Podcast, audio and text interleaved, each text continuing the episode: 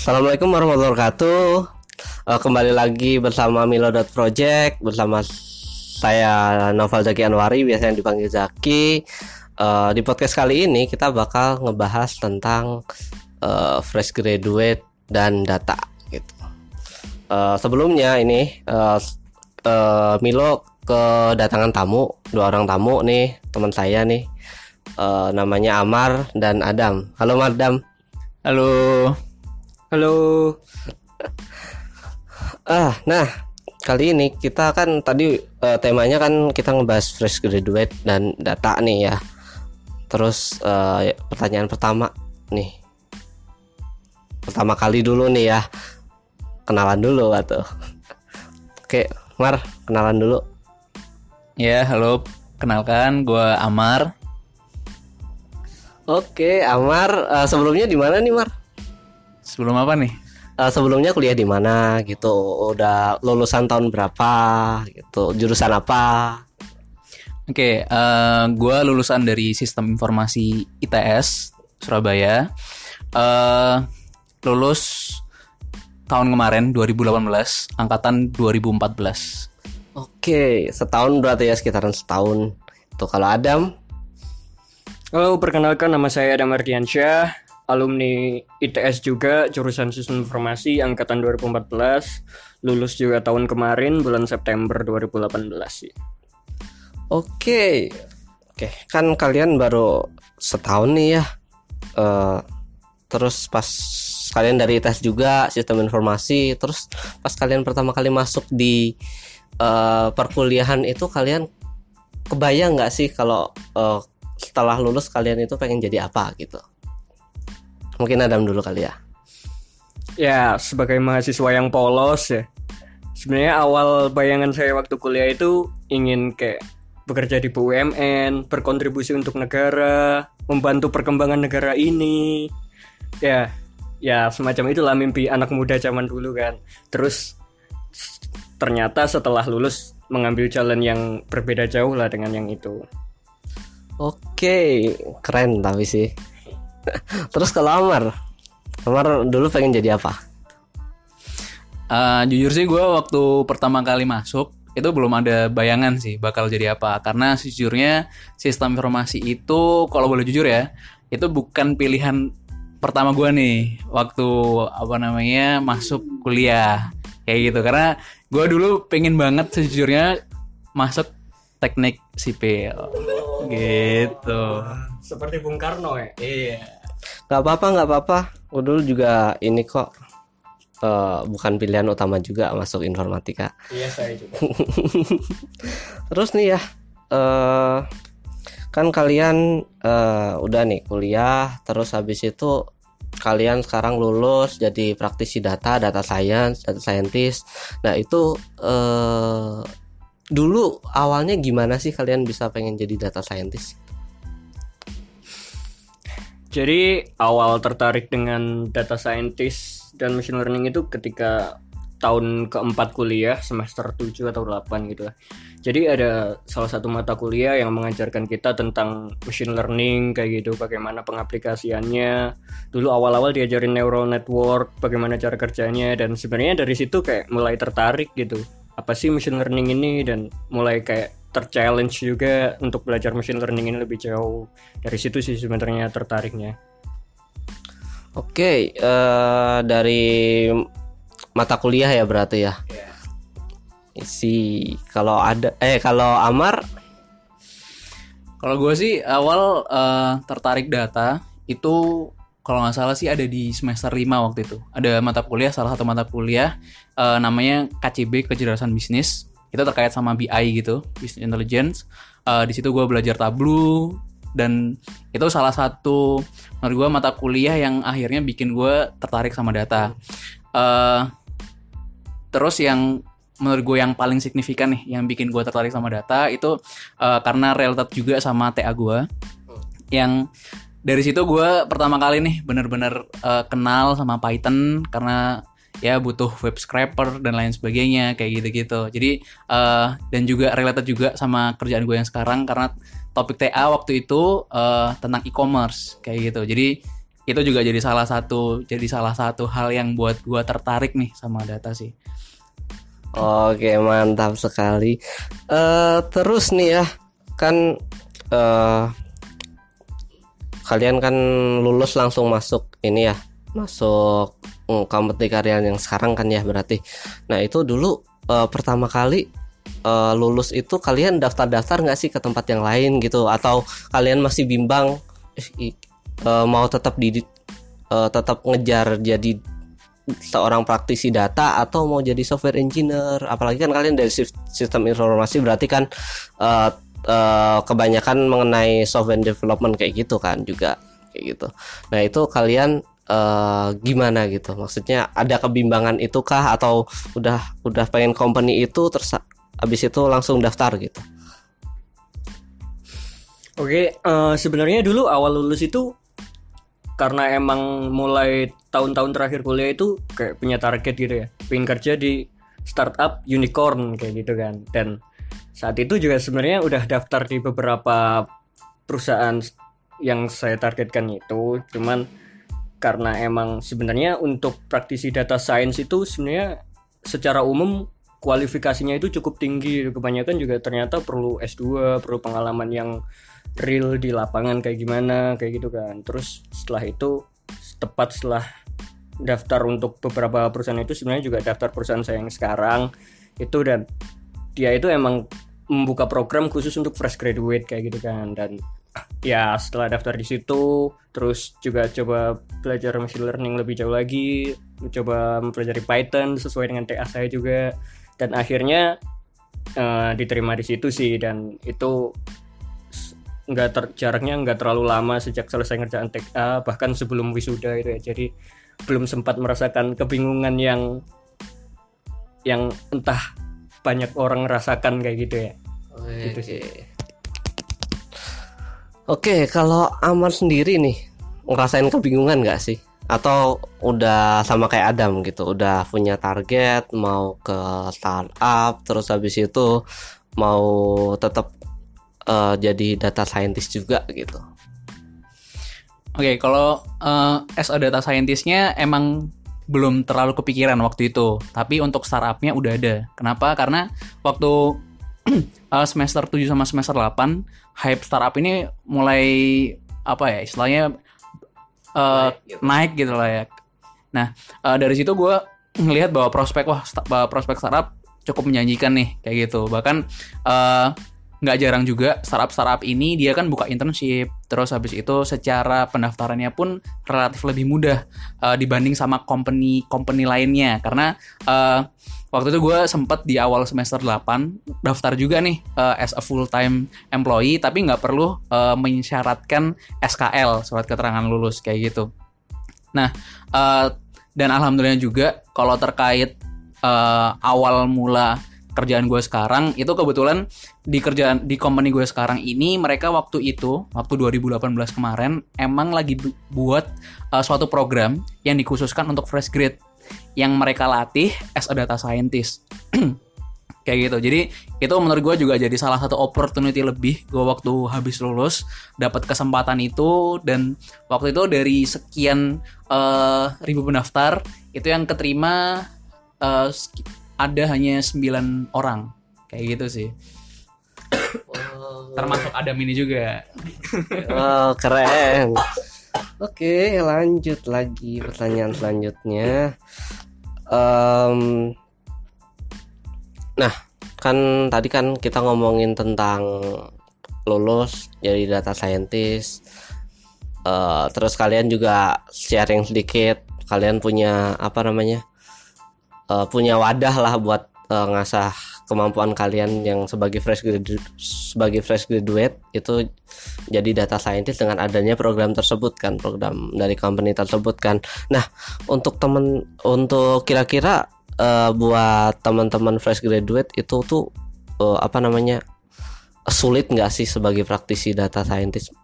Mereka starting point dari lulus langsung jadi praktisi data scientist apakah dengan dengan apa namanya dengan program tersebut itu cukupkah atau seperti apa gitu mungkin dari Amar dulu sekarang Oke, kalau ditanya sulit atau enggak sebenarnya menurut gue sih relatif. Relatifnya karena apa? Eh, sebenarnya sekarang kalau misalkan dilihat eh, demand pasarnya itu eh, tenaga-tenaga ahli terkait data ini sangat banyak dibutuhkan kayak gitu. Nah, kenapa tadi gue bilang di awal eh, sulit itu relatif? Karena gini, gue punya nih eh, teman gitu kan. Ini mungkin juga jadi bisa jadi salah satu rekomendasi buat adik-adik yang masih ada di bangku mungkin semester 4 atau 5 atau mungkin masih berkuliah lah di semester mana pun yang nanti mau berkecimpung di dunia data scientist. eh menurut gue manfaatin waktu libur kalian itu coba deh untuk internship kayak gitu. Karena eh, ketika kalian nanti setelah wisuda itu value kalian bakal beda nih. Kalau misalkan pernah sebelumnya eh, istilahnya join internship suatu company apalagi company unicorn startup unicorn katakanlah as a data gitu a data team apa pun itu kayak gitu. Dan kalau misalkan apalagi ditunjang sama katakanlah eh, topik TA yang kalian ambil kayak gitu itu menurut gue jadi salah satu value yang bisa kalian jual nanti as a data scientist. Yang mana sekarang emang seperti yang tadi disampaikan Adam kan qualifiednya seorang data scientist di tiap tiap company ini eh, high skill banget. Skill banget. apalagi nuntut katakanlah harus perlu S2 dan lain sebagainya. Tapi menurut gue kalau misalkan kalian punya experience itu yang kalian udah istilahnya eh, build lah dari sejak kalian di masa-masa kampus itu benar-benar bakal nunjang sih kayak gitu join kompetisi juga bisa jadi salah satu tools yang bisa dimanfaatin untuk eh, nambah portofolio dan lain sebagainya sih as a data scientist Oke menarik banget nih. Jadi eh, apa namanya kita bisa start buat jadi da- data scientist dengan kita ikutan kompetisi atau internship kayak gitu gitu itu bakal nambah value kita bakal nambah experience kita. Nah kalau dari Adam ada tambahan nggak Adam? Sebenarnya sebagian besar ya sama kayak Amar ya. Cuman mungkin eh, kayak shortcut yang lebih mudah itu ya ikut aja course-course online. Yang gratis juga banyak kan sekarang kayak di mana Quest Data terus banyak sih beberapa itu yang gratis juga. Di Coursera juga ada yang gratis. Jadi itu sebenarnya kayak pengalaman hands on yang penting juga sih. Dan emang kalau untuk terutama untuk para mahasiswa ya yang emang targetnya setelah lulus nanti kerja di startup startup yang unicorn misalnya ya itu pengalaman internship itu bakal sangat berharga sih soalnya kayak pengalaman hands on itu selalu lebih lebih bermanfaat dan lebih valuable gitu daripada pengalaman kalian yang belajar-belajar sendiri atau kompetisi juga kayak gitu sih Oke. Terus nih ya eh eh, ngomongin tentang fresh graduate nih. Biasanya kan eh, teman-teman fresh graduate biasanya ketika pertama kali masuk kerja langsung kayak kagok gitu. Eh, apa namanya? Oh, kulturnya beda gitu misalkan antara kuliah sama eh, kerja. Itu menurut kalian eh, perbedaannya eh, seperti apa sih kalau di kuliah sama di kerja gitu? jelas beda ya kalau eh, ya kalau lu kerja lu dibayar gitu kan tapi lo kalau kul- kuliah lu yang bayar gitu kan. Ya pasti eh, satu hal yang mungkin kalau misalkan ditarik apa sih yang beda? Itu secara culture sih pasti secara culture. Karena lo ada beban tambahan lah. Lo dibayar untuk memberikan suatu value dong buat eh, buat company itu. Jadi eh, itu satu. Terus mungkin yang kedua eh dari segi eh, dari segi apa ya? Kalau boleh dibilang eh, culture itu udah nomor satu. Terus yang kedua mungkin adaptasi lu sih sebagai eh, sebagai karyawan yang terus harus berkembang kayak gitu. Karena eh, apalagi di startup ya, yang menurut gue nuntut diri lu untuk terus uh, secara pace kita cepet kayak gitu kan terus juga secara improvement knowledge itu kan juga berkembang juga dengan cepat jadi secara itu juga lu juga sadar diri lah perlu untuk improve Oke, Adam pertanyaan nih eh tentang ini eh, apa namanya kehidupan di eh, kehidupan eh, di kuliah sama di kerja. Eh, jadi sebenarnya kalau ngerasain kehidupan kerja di startup, terutama perusahaan saya saat ini, itu kayak sebenarnya nggak terlalu banyak yang berbeda. Kayak kuliah masuk siang, kerja juga masuk siang. Masuk kerja waktu anak-anak TK pulang kayak anak sekolah pulang saya baru berangkat kerja. Terus sebenarnya karena perbedaan paling mendasar di sini adalah seperti semacam tanggung jawab gitu sih. Kalau kerja kan kayak anda harus mempertanggungjawabkan yang apa yang dikerjakan saat ini masalah selesai kapan berpikir kayak kira-kira pekerjaan ini harus diselesaikan kapan terus bagaimana cara menyelesaikannya? Lebih ke apa ya namanya ya, awareness. Kayak rasa memiliki gitu sih. Tanggung jawab. Terus sebenarnya untuk hal lain kayak kerja ini kalau otomatis karena di startup ini kayak lebih longgar gitu ya masuk siang pulangnya juga lebih malam. Sebenarnya juga m- rasanya mirip-mirip aja sih kuliah juga kadang main dulu terus pulang malam kayak gitu kan. Cuman kalau kerja ini kayak untuk mengerjakan sesuatu tapi lebih santai apalagi kalau kita misalnya bisa akrab dengan atasan dengan teman-teman kolega semua itu menurut saya kayak ya santai gitu sih cuman emang harus bertanggung jawab sama kerjaannya Oke. Em, terus nih ya, kan kita udah ngomongin tentang kerjaan nih, udah masuk ke kerjaan. Nah, eh, selama setahun ini nih, kalian ada merasa kesulitan nggak? Atau ketika kalian masuk gitu, kalian kesulitan apa yang paling kalian rasakan ketika masuk company tersebut gitu? kesulitan waktu masuk pertama ya? Ya pertama mungkin ya emang adaptasinya gitu sih kayak dengan lingkungan kerja terus dengan environment yang udah terbentuk di lingkungan kerja ini terus belajar tools-tools yang pertama kali baru dipakai pertama kali baru didengar minta akses juga kan kayak gitu terus kayak harus belajar. Sebenarnya paling penting pertama ketika masuk perusahaan adalah belajar bagaimana flow bisnisnya. Kayak kayak gitu sih mempelajari scope bisnisnya bagaimana cara menyelesaikan permasalahan ini bagaimana cara kayak menyelesaikan permasalahan dengan memahami scope bisnis yang tepat. Karena juga penyelesaiannya harus sesuai dengan flow yang udah ada kayak gitu kan seperti ya mungkin emang harus apa ya pertama kali masuk itu kalau menurut saya harus emang deket sama atasannya sih kayak ngobrol-ngobrol bagaimana cara menyelesaikan permasalahan ini dengan benar dengan cepat kayak gitu sih. Oke, Amar.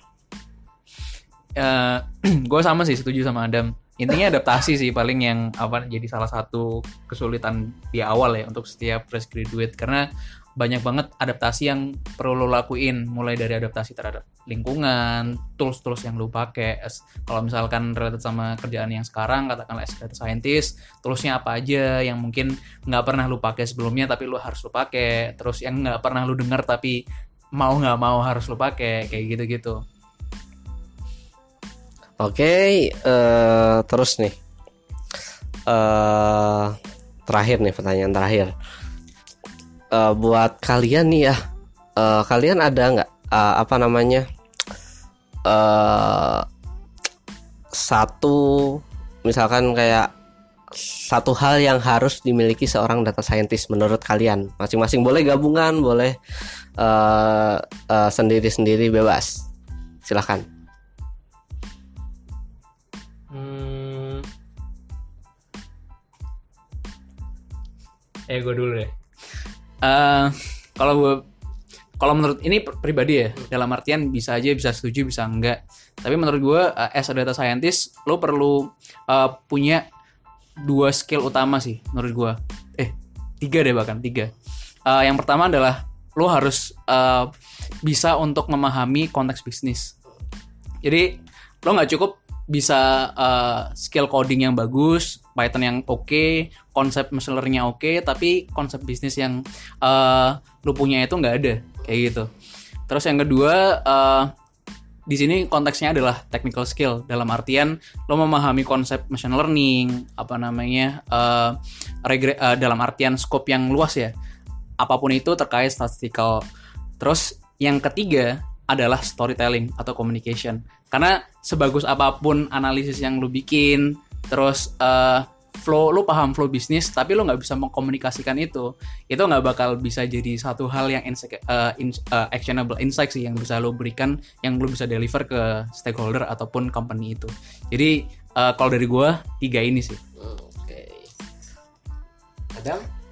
Ya sebagian besar sama lah ya. Cuman mungkin uh, emang kemampuan dasar yang harus dimiliki data scientist itu semacam ya itu kayak memahami sense of bisnisnya itu kayak gimana harus paham sih kayak flow bisnisnya terus kayak misalnya untuk bikin mengan per, menggali analisis misalnya menganalisis untuk permasalahan ini itu sebenarnya harus dimulai dari mana flow bisnisnya kayak gimana harus dapat semua sih itu emang sense of, sense of bisnisnya itu. Terus juga selanjutnya emang masalah analyticsnya bagaimana cara menyelesaikannya. Sebenarnya soalnya untuk menyelesaikan permasalahan itu nggak melulu harus pakai machine learning kayak gitu ya.